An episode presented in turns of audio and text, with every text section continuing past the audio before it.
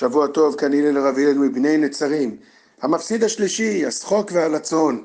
השחוק ולצון, כמו שפעם שעברה דיברנו, נשמע סטנדאפיסט, בדיחה, לצון, צחוקים. אז הציור הוא כזה, אה, מה, השחוק ולצון, זה מצב שאדם סתם כאילו איבד את היראת שמיים, והוא רק מתלוצץ מכל דבר, ואת מצב מאוד מבוזה, שקשה לצייר שאדם אה, ש, שקצת למד וקצת התפתח, פתאום הגיע למצב כזה. אבל אם מסתכלים במה שהסברנו בשחוק ולצון, זה לא צחוקים, זה אולי שלב יותר מתפתח, הבעיה הרבה יותר קשה.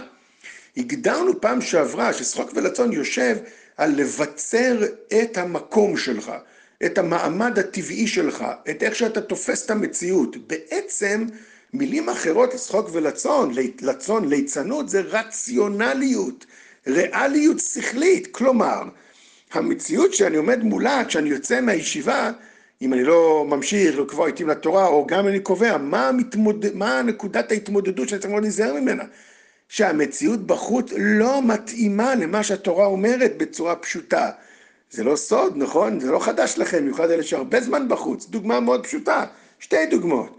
דוגמה אחת, נדמה לי שהבאנו אותה כבר פעם, אתה יוצא מיום ירושלים, חג שבועות, מדינת ישראל, הר סיני, המגמה הישראלית של האומה הישראלית, להביא שכינה, לגלות ישראל, השם בעולם, להביא תורה לעולם.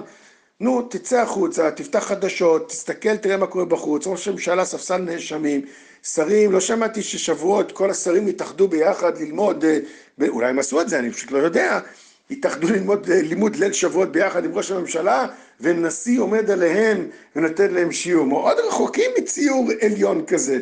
ודוגמה קרובה יותר, שיותר קל לי להסביר, שאני פה אברך יושב ולומד, באים ההורים שלו אומרים, אה, זו, כן, בחור שמתחתן. אז, אז אני אומרים לי, הרב הלל, מה, מה, כן, מה הבן שלנו יעשה? לא, הוא ילמד בעזרת השם, יתפתח, ילמד, ויתבסס בישיבה בלימוד. וממה הוא יחיה? איך הוא יגמור את החודש? אז זה לא מדבר פה על הורים שהם, שהם לא יודעים מה זה תורה, ולא חשוב להם תורה. חשוב להם תורה, אבל ממה הוא יחיה? באמת אני עונה לשאלה הזאת. השאלה הזאת, ממה הוא יחיה, היא שאלה רציונלית. אתם יודעים, צריך כסף בבנק כדי לגמור את החודש. אדם שהוא אברך מקבל מלגה מועטת מאוד, או, או נגיד בישיבה יחסית גבוהה, אבל יחסית לשוק זה מועט מאוד. יש לו, אין לו ילדים, ניחא, שתי ילדים, שלוש ילדים, ארבע ילדים, יש לי אברכים פה עם בלי עין רע, חסדי השם, הרבה ילדים. מה, איך בדיוק הוא אמור, מה, איך הוא יסתדר בחיים? איך באמת עונים על זה? כלומר, השחוק והלצון, זאת, זה מצב, כמו שאתם מבינים, אני מקווה, זה לא מצב צחוקים, זה הדעה, השכל שלי אומר, זה לא הולך, זה לא יכול ללכת. עכשיו, איך אני, מה, מה אני עושה עם טענה כזאת? מה, אני אגיד שטויות והבלים, יהיה בסדר.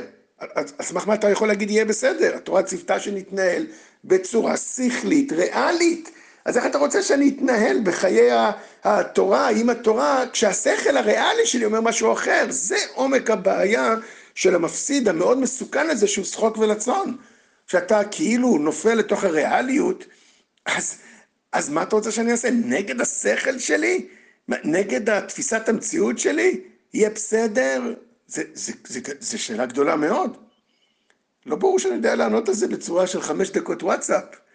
אז ברור שהתורה היא עומק המציאות. הדעה של התורה, שכל התורה, מלמד אותנו את מגמת המציאות. כלומר, נגיד את זה בעברית קלה, אני אומר להורה כזה, נכון, יהיה לו קשה לגמור את החודש. נכון. הוא לא יוכל uh, uh, לקנות דברים שאחרים קונים. ואף על פי כן הוא לומד תורה, כי השם ציווה ללמוד תורה, וזה חשוב יותר מכל דבר. כלומר, אני מודע למציאות הריאלית.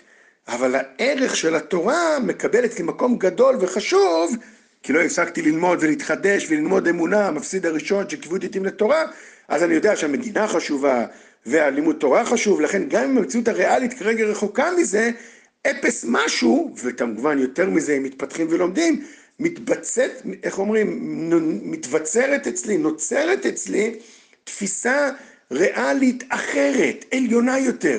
שוב, מידת הזהירות, החיים מורכבים קצת, מידת הנקיות, ככה אתה רואה את המציאות, שהיא אלוקית ואין שום שאלה, אבל מידת הזהירות, לא, אני יודע, הרציונליות האנושית שלי אומרת משהו אחד, אבל אני, בקביעות איתי מהתורה שלי, גם אני בעל הבת אל השמיים, לומד אמונה וקובע עיתים לתורה ומתפלל להשם על הדברים, מתווצר אצלי תפיסה ריאלית אלוקית, וזה מצליח להתגבר על הרציונליות האנושית. טוב, זה קשה מאוד כמו שאתם שומעים.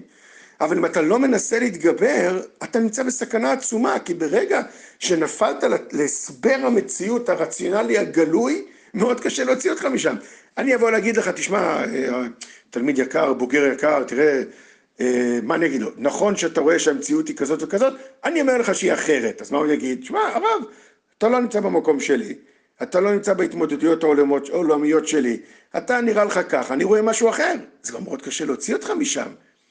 אם כן, אם אדם לא קובע עיתים לתורה, מה שראינו במפסיד הראשון, ומתחדש באמונה, ומתחדש באמונה, באמת המציאות תקום ותבלע אותו, ואז הוא עלול, עלול עם עין, כאילו ייפול לכל חטא, בגלל שכבר התורה נראית לו רחוקה, זרה ומוזרה. חס ושלום. לקבוע עיתים לתורה ולא להגיע למצב הזה. כל טוב ושבוע טוב.